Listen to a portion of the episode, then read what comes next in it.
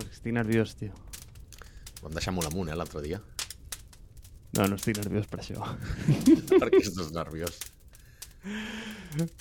Perquè fa 3 anys que estic gravant un podcast i mai l'havia fet cara a cara amb algú. Ets molt intimidatori ara mateix, eh? I, home, clar, si vas començar... Bueno, vosaltres vau començar abans de la pandèmia. Per tant, hauries pogut tenir l'ocasió.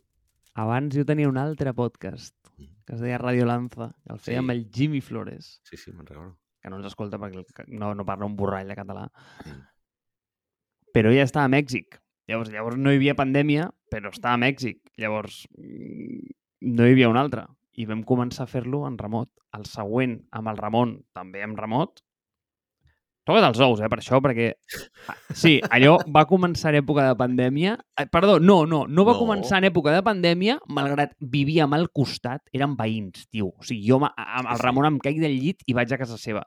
Eh, I, tio, i, No us veu mai. Deu tenir el seu estudi de... Ah, Audi, sí, àudio, sí, àudio té- perfecte. té la seva cova i mai surt d'allà, el tio. Vale. I, mm, i res, i, i amb tu, doncs mira, tres, tres coses al mateix. I aquí et tinc, aquí davant, que et podria tocar quasi, eh? Però estem en taula llarga, no tan llarga com la del Putin, eh? estan una miqueta allunyats per veure allò que no s'acoplin els micros i tot això. Jo sí que vaig gravar un parell i durant la pandèmia, fet, et diré que durant, inclús em sembla que jo vaig començar a fer podcast el... justament per la pandèmia. El vam llançar l'1 de juny del 2020 i no et diré en aquell mateix estiu, però em sona que no molt més tard ja en vaig gravar un parell en persona cap a final d'any. Cap a final del 2020 ja em vaig gravar un parell en persona, però amb un sol micro, perquè encara era budget, era budget, encara estàvem de proves, però no és una bona idea. Ja es nota que hem millorat amb Kona Hardware, també. Puc dir-te que no m'acabo d'acostumar a veure't o no? O sigui, et veig en un escenari pues, fent, fent un dinar, prenent una cervesa, barra bitxí, el que sigui, Clar. però no et veig amb un micro davant, eh? Això vol dir que no mires la pantalla quan gravem cada setmana. No, sempre, sempre, però més com més còmode, no sé per què, igual t'has acostumat. No, no. T'intimida, eh, el, el presencial? Bueno, després d'aquesta llarga introducció sobre el presencial, ens hem guardat aquest, bé, després de 22, i aquest és el 23. Eh? Aquest és el 23. Toquem una temàtica especial, eh? Vas deixar la pregunta a l'aire, eh, al A final, l'aire. l'últim. eh? Cliffhanger. I és d'aquells que pots contestar sí, no, i s'ha acabat el podcast. Però no ho farem, no ho Tenim farem. uns quants d'aquests ja. No, no ho farem, no ho farem perquè estem en presencial i ens agrada molt. Llavors... A veure, Àlex, tu ens diràs. És la nova religió o no, la tecnologia? Hòstia, és... sempre comencem amb preguntes complicades, eh? I mira que aquesta l'he tingut durant una setmana per rumiar-la. Venia caminant cap a les vostres oficines, que tinc mitja hora exacta de rellotge, i no he sabut trobar una resposta que digui sí o no. Per tant, jo crec que podem trencar-ho en diferents àmbits, val? perquè podia dir sí, em quedaria tan panxo, i aniríem a fotre'ns el pollastre aquest, anirem, i ja està. I ho deixem aquí, hem gravat 3 minuts. Bueno, Tranquils. bueno. Ei, els oients, tranquils també. Ja, han- ja han fet el xec aquesta setmana i ja... És una opció, és una opció. Però no, no és així. Venia, crec que tot això venia perquè a l'episodi anterior vam estar parlant de les, tecno- ai, de les carreres de, del futur i semblava que tot estava molt devaluat, tot el que no tenia a veure amb la tecnologia estava molt devaluat per la tecnologia, no? I, I avui, venint cap aquí, sí que és veritat que se m'ha acudit una frase que dic... eh, Bueno, quan publicava l'episodi, perdó, quan publicava l'episodi anterior, de publicar una frase que dic, hòstia, té raó, sempre ens quedem amb la, amb la màxima aquesta de la tecnologia està creant molts llocs de treball, però a la vegada també en destrueix molts. No? Podríem tirar de clichés i anar a lo típic de, clar, és que quan es van inventar els cotxes, doncs tota la gent que es dedicava al món dels cavalls, o els cavalls com a mitjà de transport, doncs van perdre la feina. No va ser 100%, no va ser de la nit al dia, però progressivament es va perdre una, una indústria, no? Igual que s'ha perdut la indústria del VHS i del Blu-ray i del DVD i de les, i les inclús la indústria discogràfica per temes del streaming, Spotify, eh, YouTube, etc etc. no? I totes les plataformes de contingut digital. Però, clar, a la vegada sempre se n'estan creant de nous, no? I jo crec que no et sabria dir si els números estan balancejats suficientment. El que preocupa sempre és a quin pas es creen i a quin pas es destrueixen, perquè quan tu crees, el problema de crear una nova indústria és que no hi ha gent formada per aquesta indústria, però quan tu destrueixes, l'efecte és immediat, perquè estàs destruint llocs de treball de gent que ha estat qualificada, que ha invertit molt mm, en llicències, en formació, en una carrera, en un negoci familiar, etc etc. i tenen poc temps per readaptar-se, no? No, no sé si això respon a si això és utilleria de religió o no, però però li volia donar, acabar una, uh, li volia acabar de donar una volta al tema aquest de com es transformen, no? O sigui, al final la, la feina també és una miqueta com l'energia. Ni es creen ni es destrueixen, es transformen. Per tant, eh, no sé si això contesta el tema de, el tema de religió, però de quina manera podem ajudar a instruir a, a la gent, um, o la gent que no està tan versada en temes de tecnologia, per veure-li les parts bones i no sé si desmitificar les dolentes. Vale. Jo tinc sentiments trobats, no sé si això està molt ben dit o no. no. Jo... Ja vale. ho has dit dos o tres cops, no ho corregirem ara perquè no, vale, no picaré vale. ara. Diccionari.cat, però... No, diguem que tinc com eh, opinions contradictòries eh, sí. sobre, sobre aquest tema. Més en la part de creació i destrucció de, laboral. Després, si vols, entrem en el tema de religió, que igual m'agradaria abordar-la per una altra banda. Val. Però, tio, el tema de, mm, de la destrucció de treball a mi em costa en un punt. És a dir, és cert que eminentment la tecnologia el que fa és que pues, posa tecnologia en el mercat que mm, fa que certes feines quedin obsoletes i obre la porta a noves feines i a noves oportunitats. És a dir, a la revolució industrial abans de hi havia gent que doncs, emputxava un, una palanca per, per fer anar un molí i quan va aparèixer un motor eh, de vapor, doncs aquesta gent se'n va anar a buscar a fer una altra cosa. I, tio, i hi ha com la mítica imatge aquesta del, del, dels operaris tirant les sabates contra, no sé si l'has vista, tirant les sabates contra les màquines de, de vapor de, de, de, de les fàbriques tèxtils. Era no vist, però... molt interessant. I al final és això, no? Vull dir, tio, els han obsoletat d'alguna manera aquesta gent i ara han passat a fer una altra cosa, no? I, i el que tu dius, doncs, si abans hi havia el tema dels cavalls, els cotxes, mm, ho veus en moltes indústries, no? I gent, i gent que s'ha tingut doncs, que requalificar i passar a, a, a altres ocupacions. A mi el que em fa una mica de por del que ve ara, i, i, i pel que penso que pot ser diferent és perquè no només està fent obsoletes les persones, sinó que també està fent obsolets els ecosistemes del seu voltant. Vaig a posar un exemple, ¿vale? ara ho veuràs. No et segueixo, però... Mira, no, no, ara em seguiràs, ara ho veuràs, ara ho veuràs. Tu imagina't, ¿vale? Estats Units. Uh -huh. La feina, que això mai ho haguessis dit a la teva vida, la feina més eh, recurrent als Estats Units és camioner, d'acord? Val. Molt bé.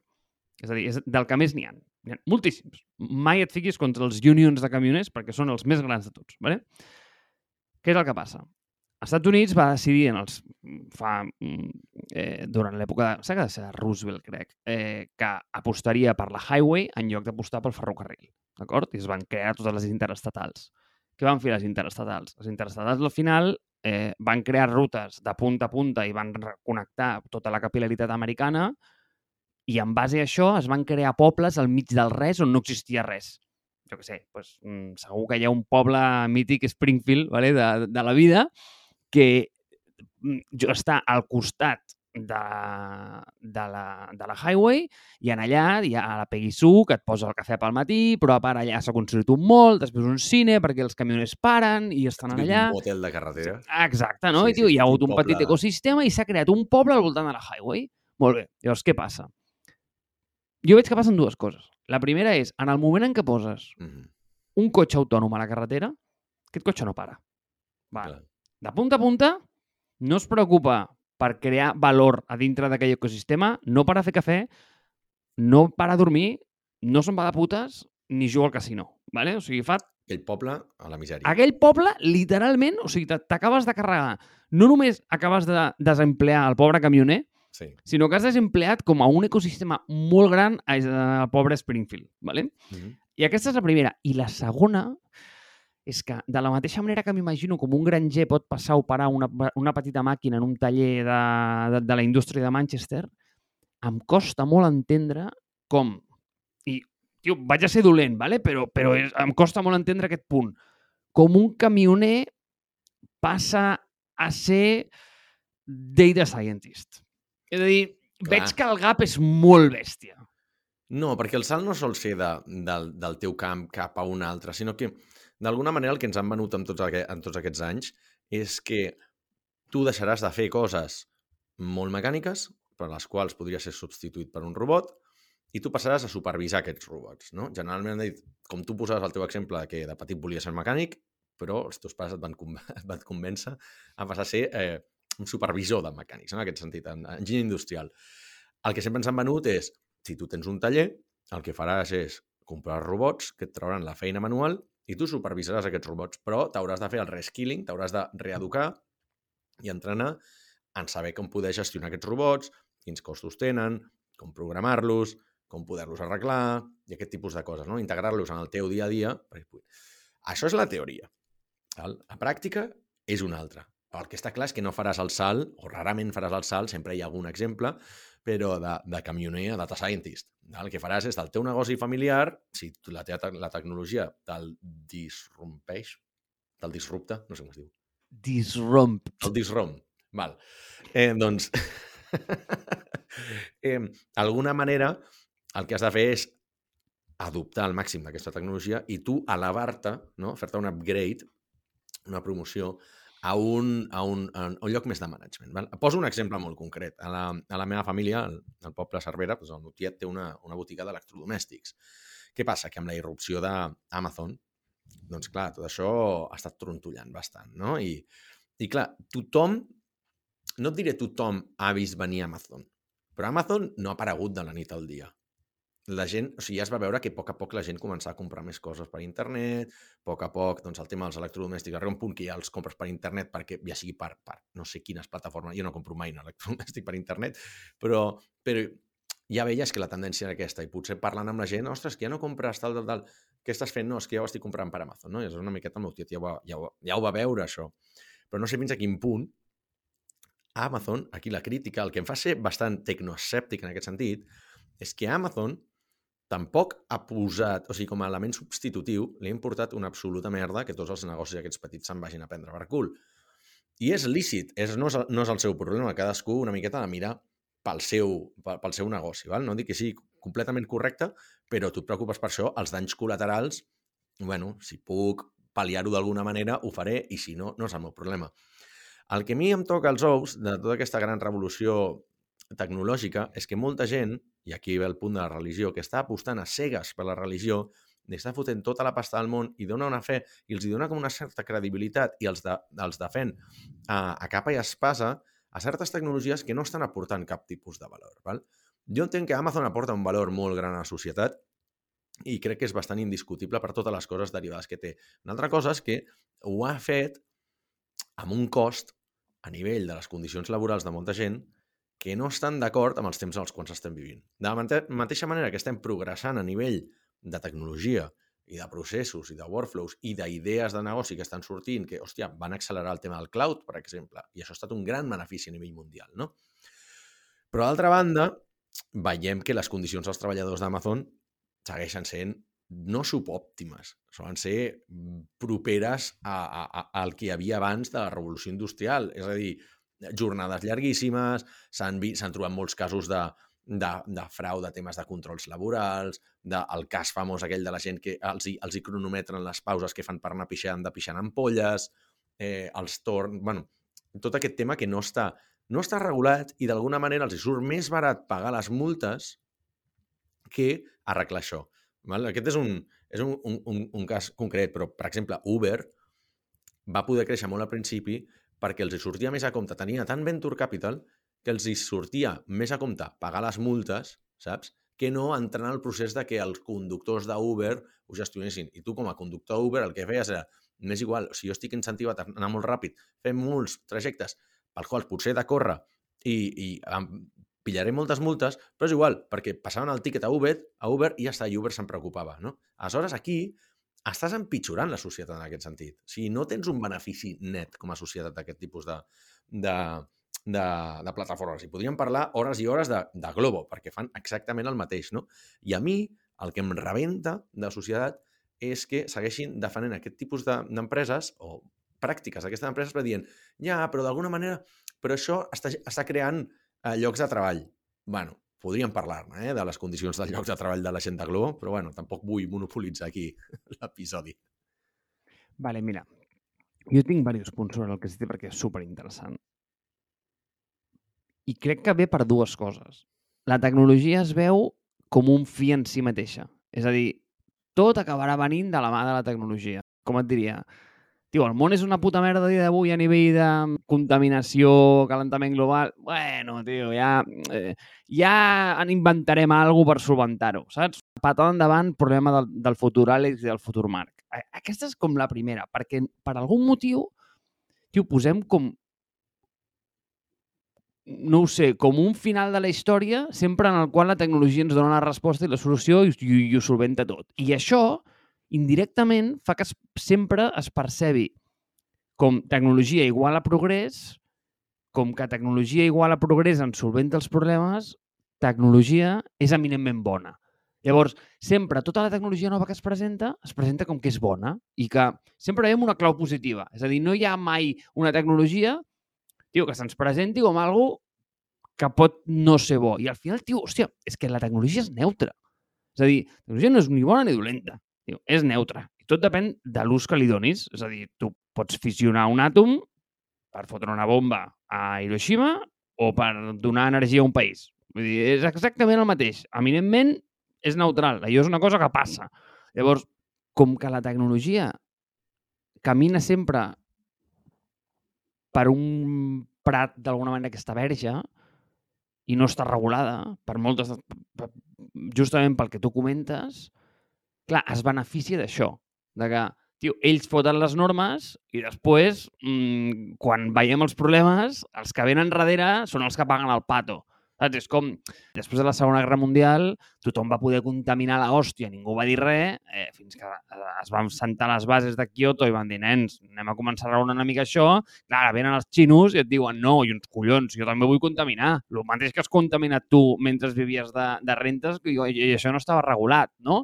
Llavors, aquí el mateix, no? Jo què sé, imagina't, un exemple que segur que, et- que et pica, el de, sí, el de Globo.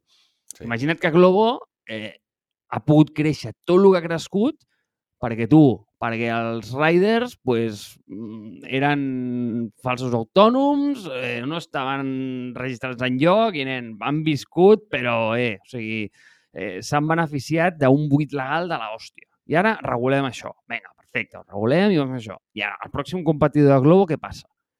Ah, Com, com, com arriba fins on ells han arribat? És Clar. impossible. Clar, exacte.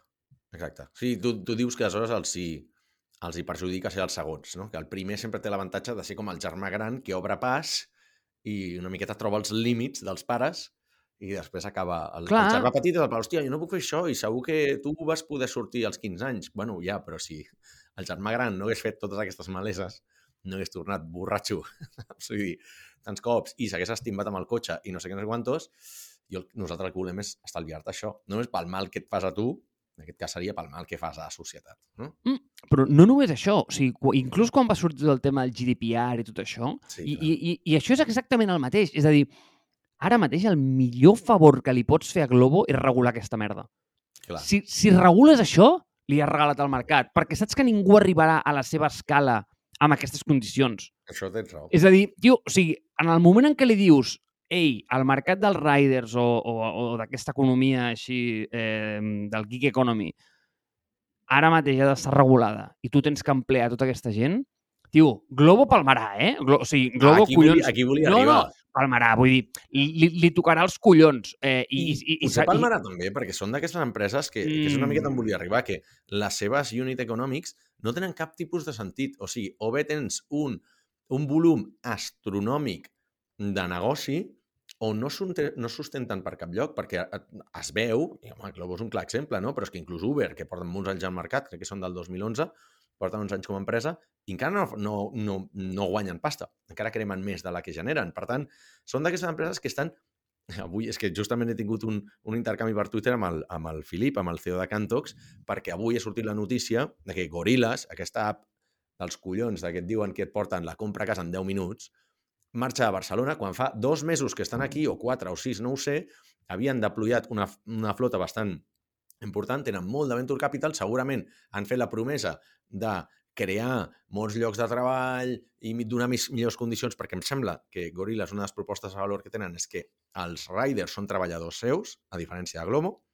Podria equivocar-me, eh? però em sona que és una de les propostes de, de valor que tenien.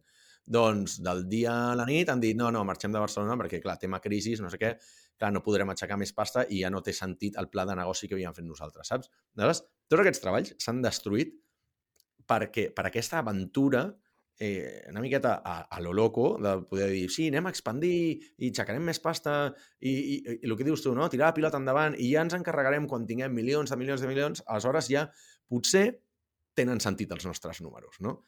Potser això ha tingut la seva etapa, però ara, en època de recessió i de crisi, doncs estem veient que la majoria d'aquestes empreses, d'aquestes aventures, només tenen sentit en bones condicions econòmiques, no? el que se'n diuen les fair weather companies. No? Dic jo. Per tant, dic, hòstia, tota aquesta gent que anava a cegues, a muerte, a, apostant per aquestes empreses, doncs s'hauran de menjar una miqueta amb patates ara.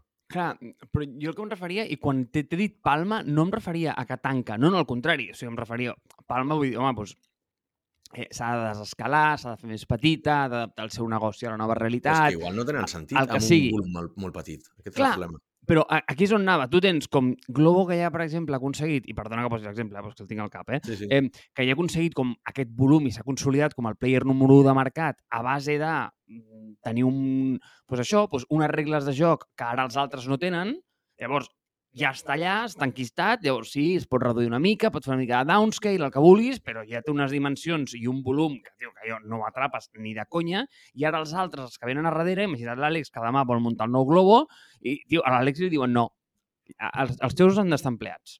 Clar, Clar. com, com, com competeixes contra això? És, és és, jo no ho veig, no ho veig malament, però perquè jo ja estic mm, segurament cablejat d'alguna manera a nivell intern per no muntar negocis que no tinguin sentit des del dia 1. Saps? T'he exemplificat a tu com, com, com, com en el d'això, no? Però, però llavors, és a dir, en el moment en què tens el player establert perquè ha pogut créixer a base de mm, normes de mercat eh, planes totalment, en el moment que poses aquestes normes ja has tancat la porta a que algú pugui créixer al seu nivell, perquè, perquè és, és físicament impossible. Però això també passa amb les patents, per exemple. No? Però és diferent, perquè amb les patents al final tu, home, eh, has treballat una propietat privada Clar, o sigui, Hi ha diguem, una propietat intel·lectual, perdona, Sí. eh, en la qual tio, has, deixat, has deixat molts recursos i has creat un, anem a dir, un bé per la societat que d'alguna manera tens que saber explotar, perquè si no vindria un altre, el copiaria i series fora. Exacte, però vull dir, sempre hi ha la, la, la, la corrent que va en contra del tema patents és aquesta, no? que dius, hòstia, dues empreses que arriben més o menys al mateix moment, una aconsegueix patentar-ho i, i, i fins i tot si hi ha casos de litigi i tot això, i guanyar els casos, i l'altre que ha de perdre tot el procés que ha fet i durant X anys ja no pot fer servir allò, no? Aleshores, hòstia, d'alguna manera també t'estan bloquejant perquè no estan permetent fer innovació amb aquest tipus de producte. Durant X anys està bloquejat aquest tipus de producte per una patent i ningú més el pot desenvolupar, per tant, ningú pot iterar sobre aquest producte, no? O sigui que de... potser no és el millor paral·lelisme, però, però, però crec que, crec que d'alguna manera també ajuda a explicar això, l'immobilisme, que d'alguna manera el proteccionisme aquest va bé per millorar les condicions del que venen després, però també genera un cert immobilisme, no? O sigui que a la, vegada és, és bastant paradoxal.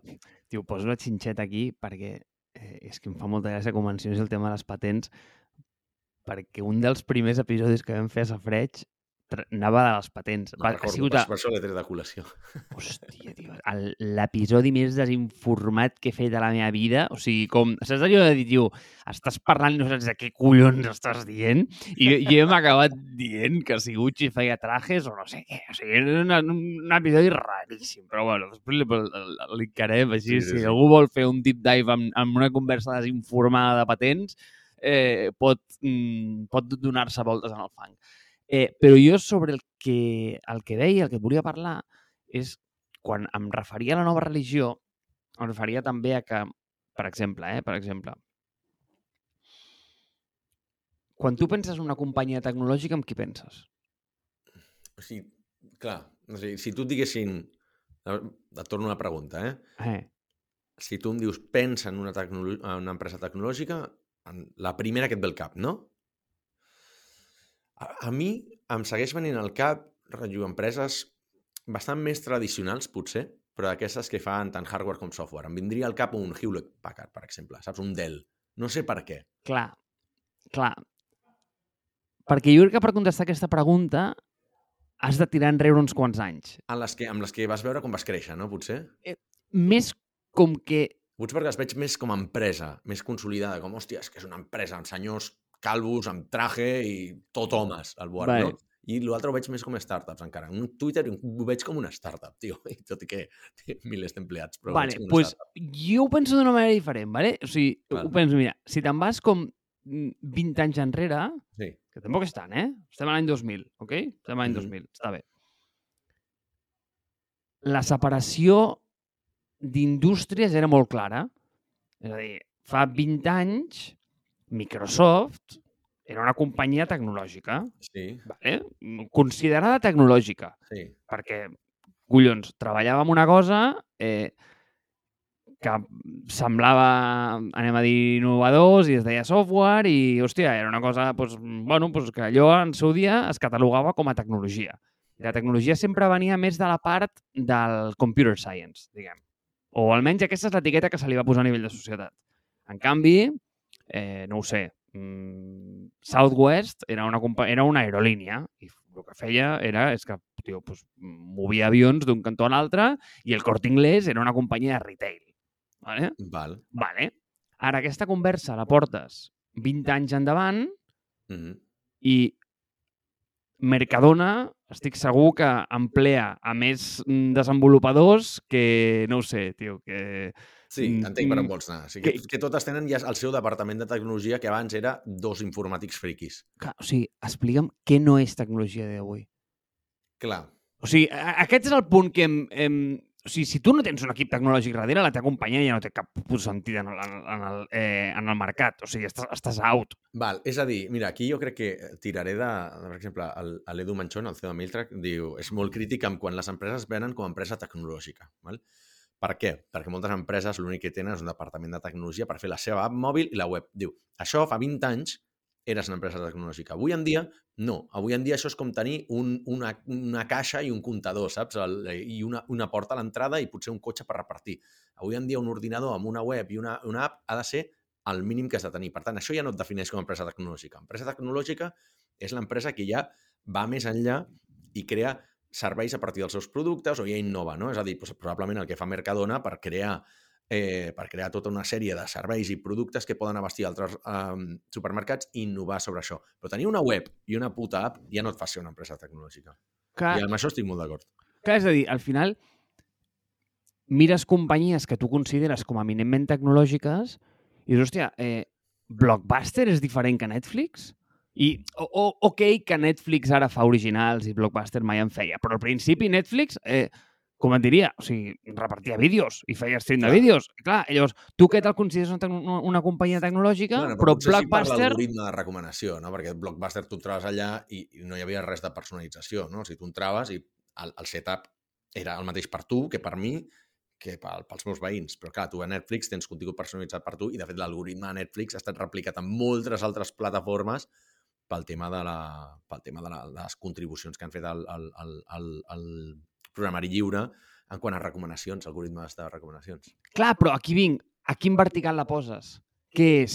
Ah, És una companyia de vídeo? software. Eh, clar, o sigui, software, ja la catalogues en la tecnològica, llavors et diria, mira, jo que sé, per exemple, eh, Clar. Amazon i el Corte Inglés fan la mateixa merda, eh, però al Sí. final una la catalogues a l'apartat tecnològic i l'altra la catalogues a l'apartat de... Clar, Potser jo perquè conec que el Corte Inglés té una consultora tecnològica que es diu Informàtica, IECISA, no? la la IECISA de tota la vida, potser sí l'hauria considerat com una empresa tecnològica.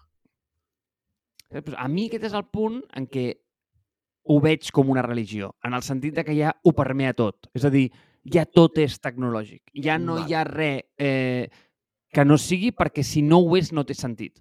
I llavors, com que s'ha creat aquesta capa que permea tota la societat, d'alguna manera, això es- ja eminentment és com l'aire que respires. Llavors, mm, i et diu, no, no, clar, és que sense això no vas enlloc. Llavors, eh, eh, i, i segur, com, i com que és eminentment bo i eh, ho posem tot en clau positiva i tota la tecnologia que arriba la tenim que adoptar com bojos i hem de descarregar-nos la nova app perquè és molt guai i a sobre estem enganxats de collons en el telèfon i no podem passar sense una pantalla durant 10 minuts, pues tot això jo crec que fa com una espècie de còctel en el que, eh, tio, tens aquí la nova missa, ja, literal. Eh, sí, i...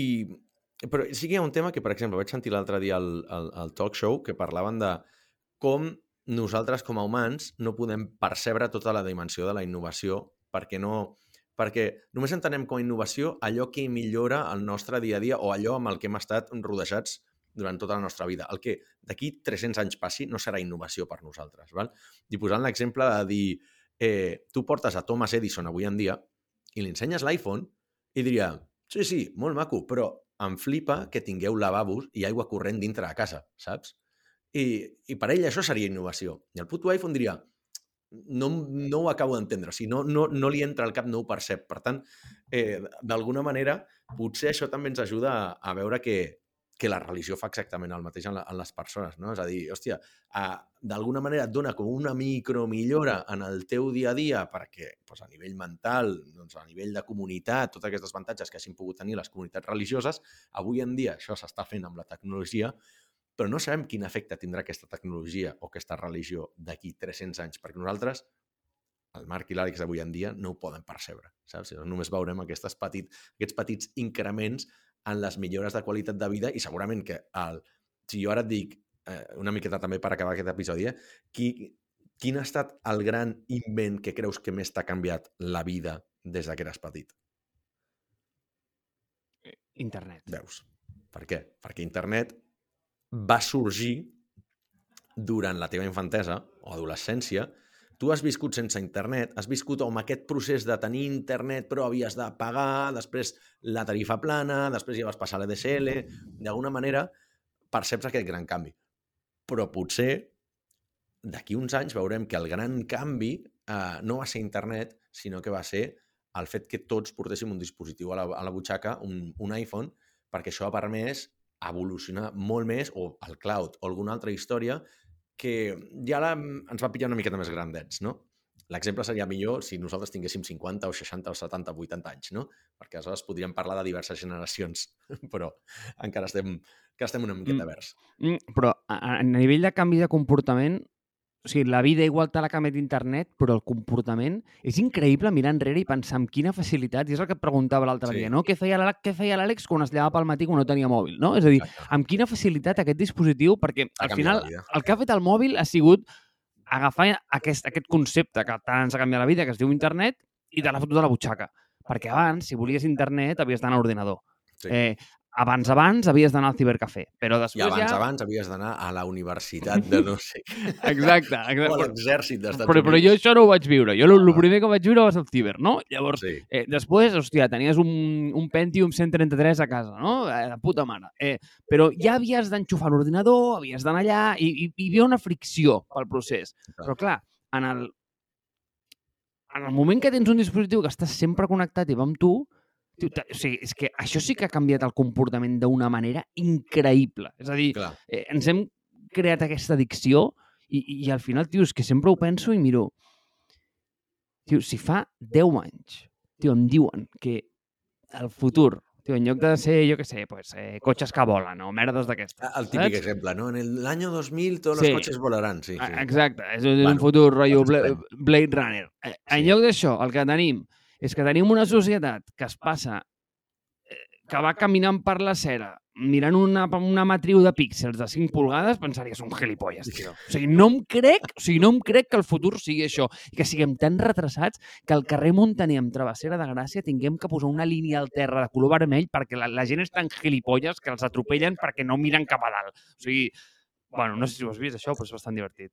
I, exacte. I seguint en aquest exemple, eh, el tema patinets, no? Que dius, hòstia, parlàvem de que volarien els cotxes l'any 2000-2020, jo encara, no, si me'n faig creus, i d'alguna manera, ara sona molt destructiu això, eh, però m'alegro que la indústria dels patinets estiguen una mica de, a prendre per sac, perquè... I mira que un dels meus clients és una empresa de patinets, però, però jo refuso la idea per la qual el transport individual del futur passi per anar sobre un patinet.